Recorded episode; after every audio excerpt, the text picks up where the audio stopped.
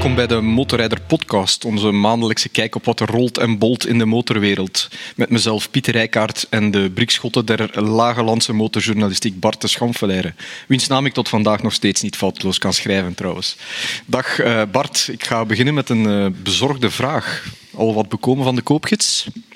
Uh, ja, al is het nept geweest dit jaar. Ieder jaar weer is het toch een een hondsklus. Ik zal het zo zeggen. Je weet dat we er intern soms een andere term op plakken, maar we gaan hier vanaf de eerste podcast nog niet beginnen met bevolkingsgroepen te schofferen. Dat kan niet de bedoeling zijn.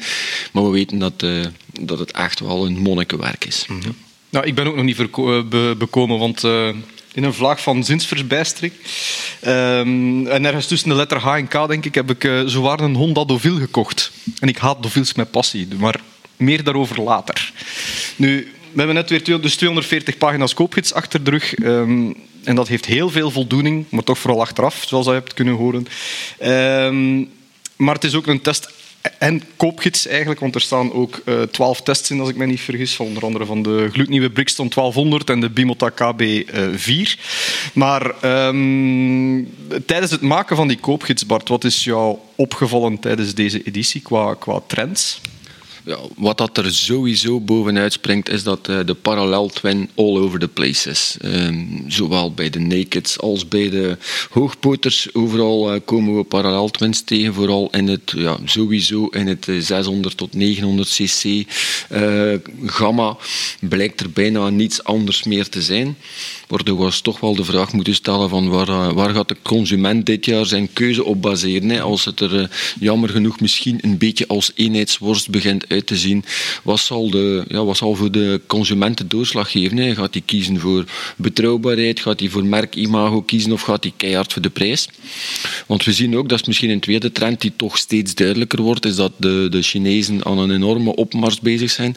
Sowieso qua aanbod vermoed ook dat de, de verkoopaantallen straks ook wel gaan volgen. Want we weten allemaal dat zij een onderaanneming voor heel veel Europese merken al heel veel uh, ervaring opgedaan hebben met hoe dat ze een productielijn moeten opzetten. Ze beheersen dat nu steeds beter.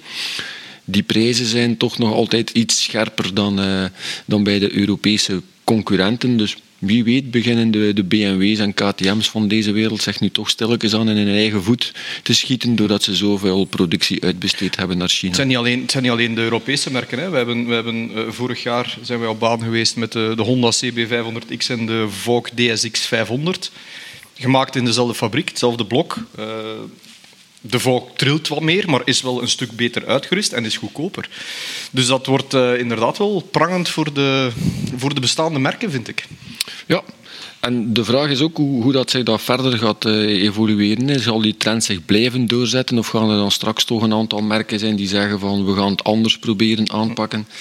Um, dat er, zijn nog, er zijn nog drie merken in de koopgids die geen paralleltwins voeren. De welke? Uh, ik heb ze opgezocht. Ja, uh, wacht. Uh, Harley. Klopt. Harley sowieso. Indian zal dat ook niet hebben. Juist. En voor nummer drie, het is een ja, gecontroleerde gok Ducati. Ja, dat zijn ze. Yes. Goed zo. Bank vooruit. Merci. Nou, ze moeten wel op mijn schoot komen zitten nu, maar... Ja, sorry. Nee, um, de motor die misschien ontbreekt in deze koopgids. Uh, er, we hebben er teasers van uh, gezien en dat soort dingen. Dus de nieuwe, de nieuwe BMW GS 1300, dat weten we al. Zeker. Dat is mij bevestigd uit hoge BMW-kringen trouwens. Dus uh, okay. dat, dat weten we.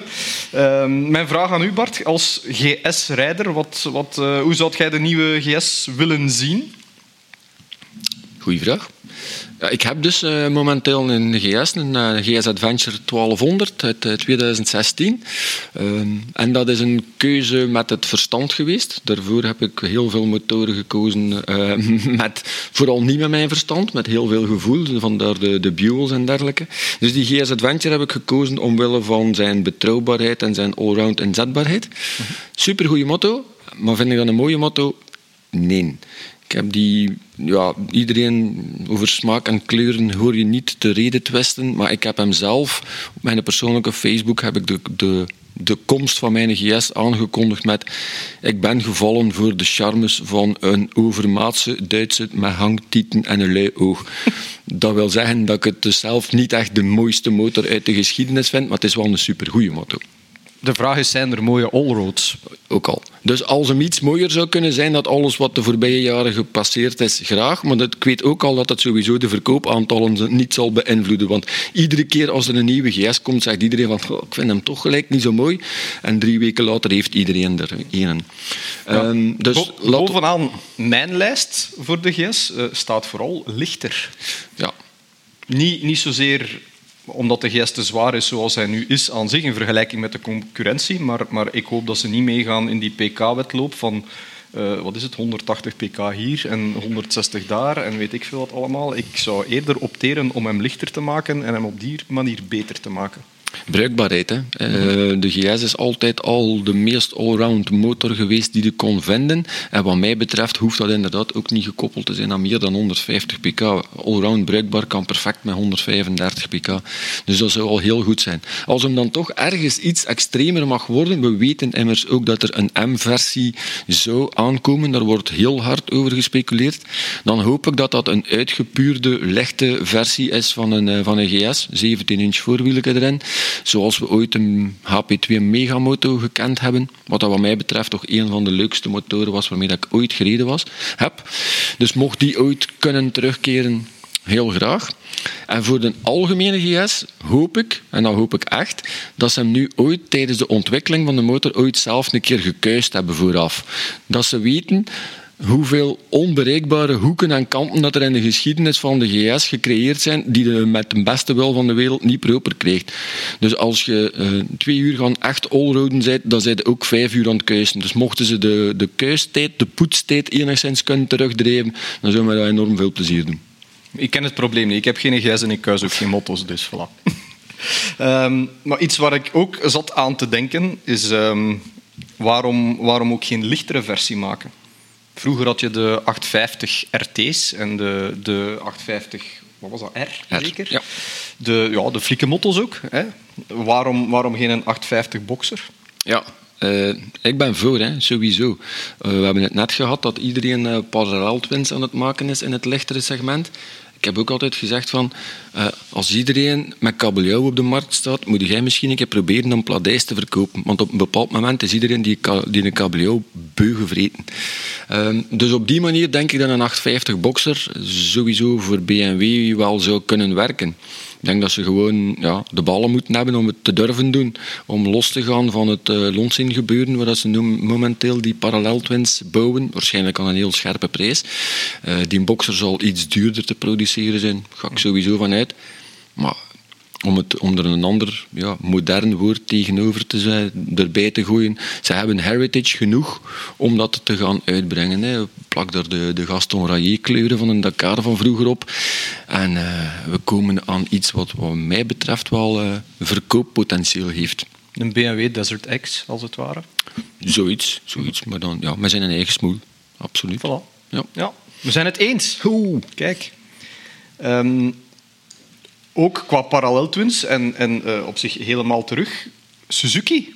Ik, uh, ik, ik werd er spontaan blij van toen ik de nieuwe V-strom en de, de GSX-8S zag verschijnen. Ja, ik ook absoluut. Ik wist dat het thema vandaag ook ging passeren, dus ik heb er speciaal mijn uh, Suzuki sjaal voor aangetrokken. Omdat ik het Suzuki ook keihard gun. Hè. Die man hebben het de voorbije jaren absoluut niet gemakkelijk gehad. Uh, of ze hebben het zichzelf niet makkelijk gemaakt. Uh, ja, ja, absoluut. Maar Omdat ze niks gemaakt hebben, toekoer. Klopt. Um, ik denk dat we er ook wel rekening moeten mee houden dat Suzuki een van de merken geweest is die ooit bij die Fukushima-gebeurtenissen uh, het zwaarst geleden heeft eigenlijk ook. Dat is vaak een factor die toch nog wel in de recente geschiedenis van, uh, van Suzuki een beetje over het hoofd gezien wordt. Ik denk dat zij daar een, een extra uh, uppercut moeten incasseren, ik dat zo zijn. En dat ze nu toch hopelijk weer aan het recht krabbelen zijn. Uh, ik, ben, ik ben absoluut voor. Vandaar dat ik ze ook in, uh, in mijn keuze gezet heb van de vijf motoren die ik dit jaar uh, in mijn garage zou willen, als we dan toch mogen kiezen. Of dat die effectief beter zal zijn dan een Transalp, of dat die effectief beter wordt dan een Tenere of een 890 Adventure. Ik weet het niet, maar ik geef ze sowieso um, het voordeel van de twijfel. Ook al, ze hebben er misschien economisch gezien een gemakkelijke keuze gemaakt. Ze zijn, uh, ze zijn nu weer met de stalen buizenframe gaan werken en met een paralleltwin. En ik denk dat dat voor Suzuki heel veel uh, moed zal moeten gevraagd hebben. Want een volledige V-stroomreeks steunt al jaren op aluminiumframes en V-twins. Dus om daarvan weg te stappen, dat zal ook wel geen gemakkelijke geweest zijn. Ze geven er een of andere marketingdraai aan dat dat de beste oplossing was met de, de range van modellen die ze willen maken. Maar het is ook gewoon de goedkoopste oplossing waarschijnlijk. Hè. Maar Er is een nieuwe V-stroom, er is een nieuwe Naked van Suzuki. Um, ik lees zelfs dat ze in, in, in 2024 met een elektrisch model uh, op uh, eraan komen acht elektrische modellen zelfs tegen 2030, maar dan met um, de eerder lichtere modellen. Want alle grote modellen zouden ze op carbonneutrale brandstof uh, zetten, wat ik ook heel interessant vind. Dat is um, iets wat leeft. Ja, ik heb er recent ook een paar online discussies uh, of ja, conferenties gevolgd over het thema. En ik denk dat het steeds duidelijker wordt dat uh, de visie van de sector en de visie van de politiek toch wel niet meer overlappen. Ik zou het zo zijn, de politiek blijft keihard inzetten op alles wat elektrisch is en blijft dat als, eigenlijk als enige alternatief of enige oplossing daarvoor schuiven. Terwijl dat steeds minder mensen in de, in de branche ervan overtuigd zijn en dat er, ja, dat er toch weer volop naar de andere mogelijkheden, zoals uh, e-fuels en, en, uh, en waterstof en dergelijke, gekeken wordt. Hè. Dus Kawasaki is met, ook met interessante projecten bezig. Op dat gebied ook worden het, uh, worden het boeiende jaren, de komende. Wel, ik zat een tijdje geleden toevallig terugkomende van een BMW-presentatie tussen twee BMW-ingenieurs die uh, voor de automobiel werkten. En die, uh, die zeiden mij dat BMW nog voor ze een elektrische gamma volledig gaan uitrollen, in principe al gestopt zijn met de ontwikkeling van elektrische voertuigen en ook meer op die carbonneutrale brandstoffen gaan inzetten. Dus, uh, ja, en dan moet de, de, luchtvaart moet nog komen en het transport moet nog komen. Dus ik denk dat we daar meer en meer gaan van horen. En ik denk dat dat voor de ik heb niks tegen elektriciteit, voor alle duidelijkheid. Maar voor de rechtgeaarde motorliefhebber wel uh, misschien wel eens een, een zeer mooie zaak zou kunnen zijn. Hopelijk voor het milieu ook. Maar in, die, die online conferentie waar ik onlangs zat, uh, was ook Dominicali van, uh, van Ducati aanwezig en een paar hoge pieven van, van KTM. En bij hen tekent de opdeling van het gamma zich ook vrij duidelijk op. Zij zijn ervan overtuigd voor stedelijke mobiliteit zijn de korte verplaatsingen veel laadmogelijkheden, is elektrisch inderdaad zeer goed. Maar een keer dat je verder gaat, dat je een grotere actieradius nodig hebt, wordt dat voor motoren problematisch omdat de batterij in het geheel van de motor veel te zwaar is. Bij een auto is dat minder ellendig of minder drastisch omdat dat gewicht over vier wielen verdeeld wordt. Uh, bij een motor wordt de rijdynamiek van de motor jammer genoeg veel te veel, of jammer genoeg sowieso, veel te veel beïnvloed door het gewicht van die batterijen. En ook als er geen deftige infrastructuur is om tijdig en snel te kunnen laden, dan ga je gewoon uh, een avontuurlijke motor, dan wordt dan ook gewoon een motor om rondjes rond de kerktoren te rijden, hè, tot daar het avontuur. Hè. Wel, wij gaan, wij gaan ook onze, ons steentje bijdragen in die ontwikkeling, voor zover ja, dat, dat, dat, dat, wij daar, dat wij daar veel in de pap te brokken hebben. Maar wij, wij hebben uh, onze, onze BioBlade, een VFR 800, waar dat wij ooit een, een koersmotte van gemaakt hebben. En die toen op biobrandstof reed. We hebben nu een uh, akkoord met het uh, Nederlandse bedrijf Ecomax. En die gaan die motor ook op e-fuel zetten. En daar gaan wij opnieuw mee koersen. Gewoon om te kijken wat dat doet met dichtingen en al dat soort dingen. Zij zijn daarvan overtuigd dat dat niets, niets van problemen gaat opleveren. Dus ja, kijk, het, het, het, kan maar ja, mensen op andere gedachten brengen. Ja. Ik zie, dat, ik zie dat positief tegemoet. Ik heb ook gezien dat Honda ook al op, uh, op de Nürburgring getest heeft in competitie daarmee. En dat dat ook ja, perfecte resultaten geeft. Ja, dus, ook, de, ook de MotoGP, de Formule 1, de Superbikes, die gaan allemaal tegen, was het 2027 denk ik, allemaal, allemaal op die e-fuels rijden. Dus daar, zit wel, er zit muziek in. Ja, absoluut. Nu, we spraken daarnet al over onze keuze in, uh, in de koopgids. Hè. Uh, geven ons ieder jaar een, een budget van 50.000 euro. Daar moeten we uh, vijf motoren mee kopen. Welke motoren naast de V-strom zaten daar voor jou nog in? ik ben eigenlijk niet zo heel revolutionair geweest, want een stuk van mijn top 5 komt overeen met uh, wat ik er vorig jaar in had. De Yamaha Tracer 9 GT, omdat dat gewoon prijs-kwaliteit wat mij betreft nog altijd um, ja, een supergoeie motor is voor uh, op de weg mee te gaan reizen. Ik zie ook wat mij betreft helemaal nog geen meerwaarde om 2000 euro meer te gaan besteden aan de GT Plus versie die, eruit, uh, die erbij komt. Er zit veel elektronica op waarvan ik zelf denk van heb ik dat straks ook wel nodig. Dus die 2000 euro heb ik daar uitgespaard. De Triumph Street Triple R, uh, ja, waarvan iedereen zich afvraagt, het was al de beste roadster op de markt en ze hebben hem nog verbeterd voor volgend jaar. Dus dat, dat, kan, dat kan alleen maar ongelooflijk goed zijn. En dan heb ik er eigenlijk al een heel stuk van mijn budget doorgejast natuurlijk met drie motoren. En dan begin bij het klein geld hè, om uit te geven, zeg maar. En dan... dan dan ben ik uitgekomen bij een Brixton Crossfire 500 XC. Ik heb er nog niet mee gereden. Ik vind het super super leuk ding om naar te kijken. Ik heb ondertussen ook al begrepen van u dat het langs je kanten remt.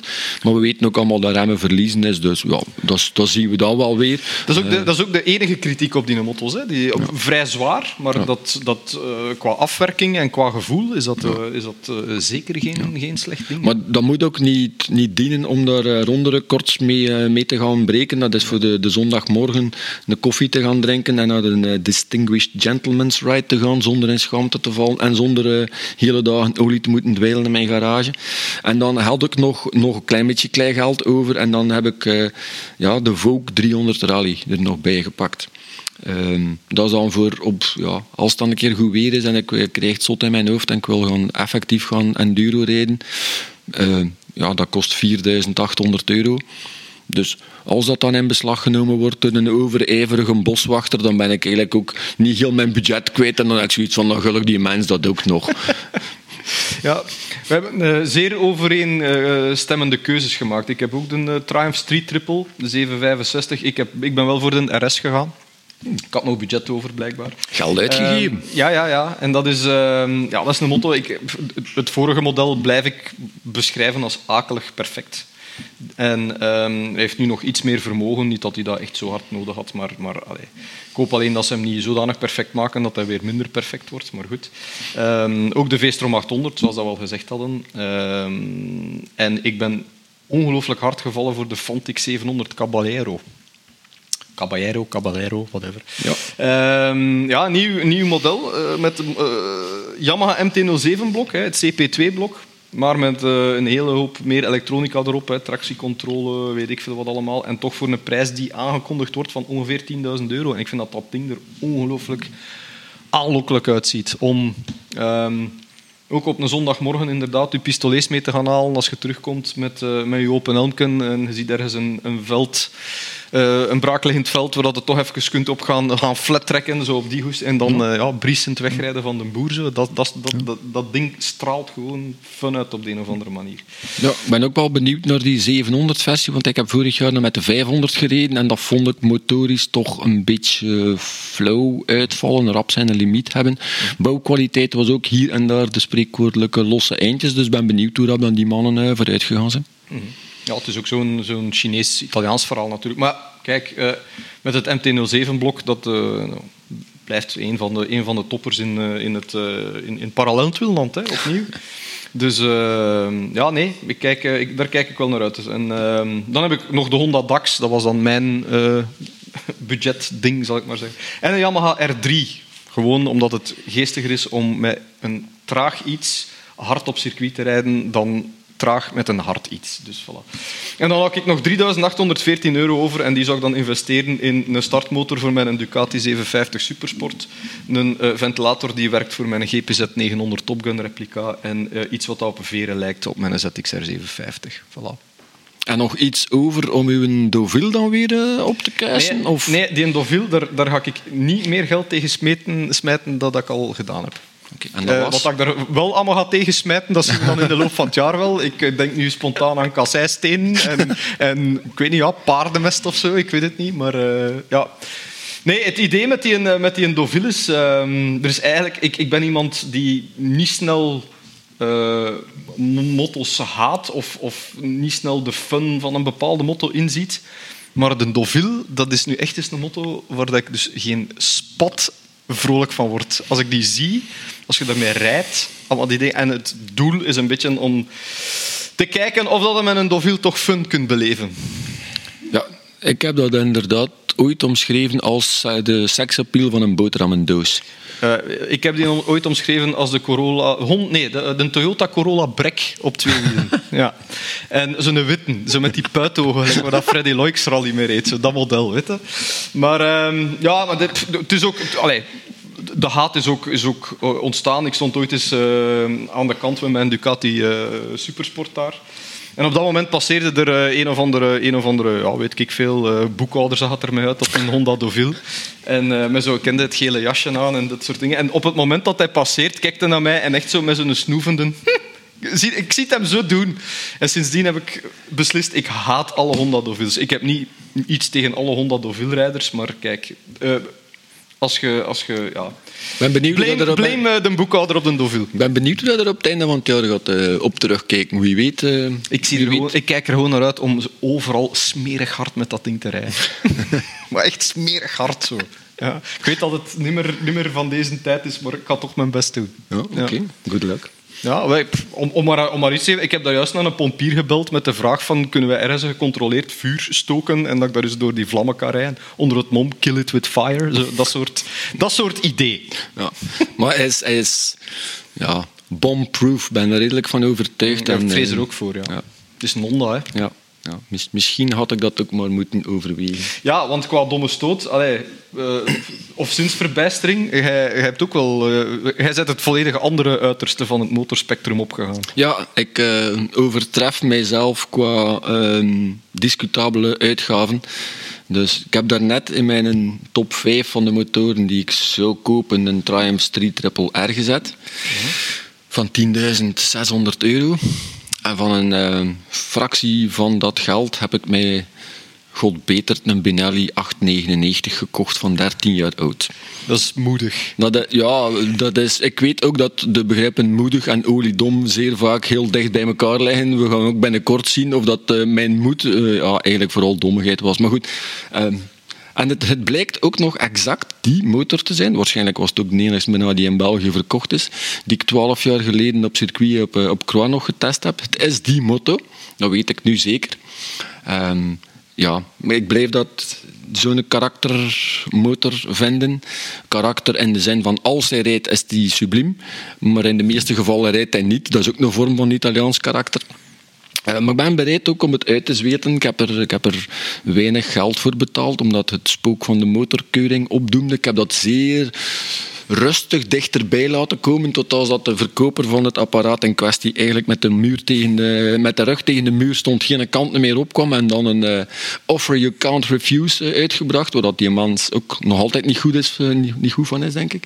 Om maar te zijn dat ik er twee keer niks voor betaald heb. En hij staat nu bij mij en nu wordt het, ja bekijken hoe dat we het, ding, het apparaat, enigszins betrouwbaar kunnen maken en dan ook eh, ja, vol dampen. Ik moet de Honda Deauville nog laten keuren en ik hoop echt dat ze hem afkeuren. Gaat niet gebeuren. En de wil wordt volgens mij niet Ik vrees er ook voor, ik vrees er ook voor. Ja, nee. Maar goed, ehm, ja, we zien wel hè, wat dat geeft dit jaar. Ehm, We gaan ons sowieso amuseren, dat is duidelijk. Ja, wel, dat is wel de bedoeling. Dat is wel de bedoeling. Ehm, nu, als afsluiter, eh, wat staat er volgende maand nog allemaal op uw planning? Eh, ik ga met een Transalp gaan rijden. Ah ja, Ja. nieuwe. De nieuwe, ja, maar met de vorige, dat zou geweldig zijn. wij, En waren van de, erbij, wij waren erbij bij de vorige. ja, de vorige presentatie van een Transalp, die, bij iedereen die, die er geweest is, die weet het nu nog altijd. Want ja, eind oktober, begin november... We zijn en- survivors, we moeten Ja. gewoon toegeven. Ja, inderdaad.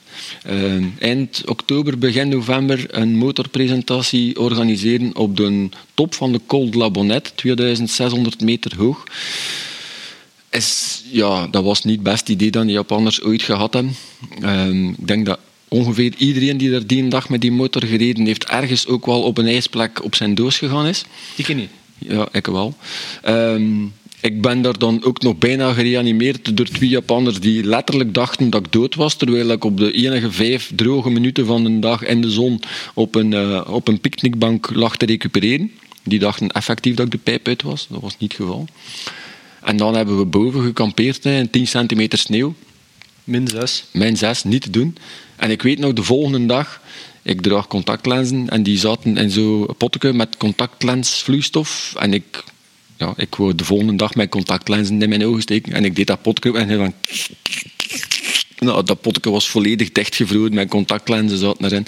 Dus ik heb tien minuten in dat sanitair blok met mijn handen onder het warm water gezeten, met die contactlenzen en dat potje erin, om alles te ontdooien. En zo ben ik dan uiteindelijk met zicht thuis geraakt.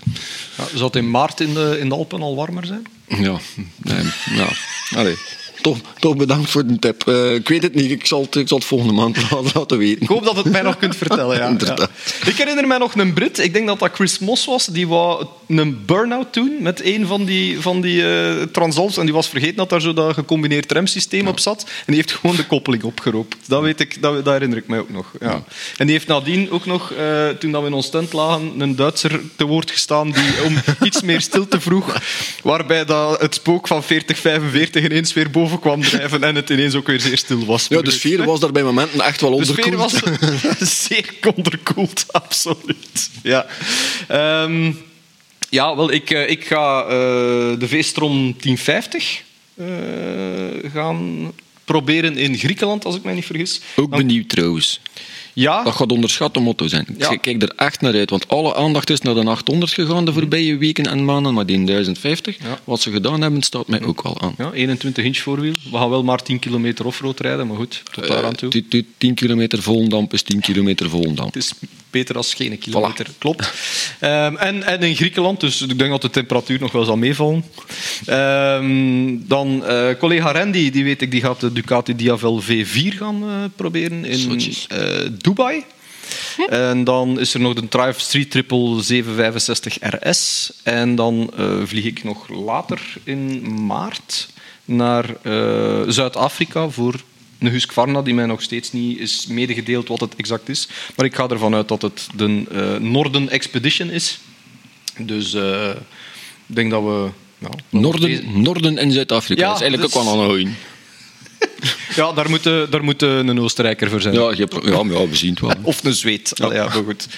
Maar kijk, ik denk dat we dan nu bij het einde zijn aangekomen van, cool. uh, van onze allereerste podcast. Ja. Um, ja. Ik denk dat we redelijk goed ingelegd hebben hè, voor onze eerste keer. Ja, ik denk dat ook. Ja. Zo. Goed. Volgende, volgende maand nog een eiken dan. Hè. Het is dat. Tot de volgende keer. Yes, tot dan. Hè.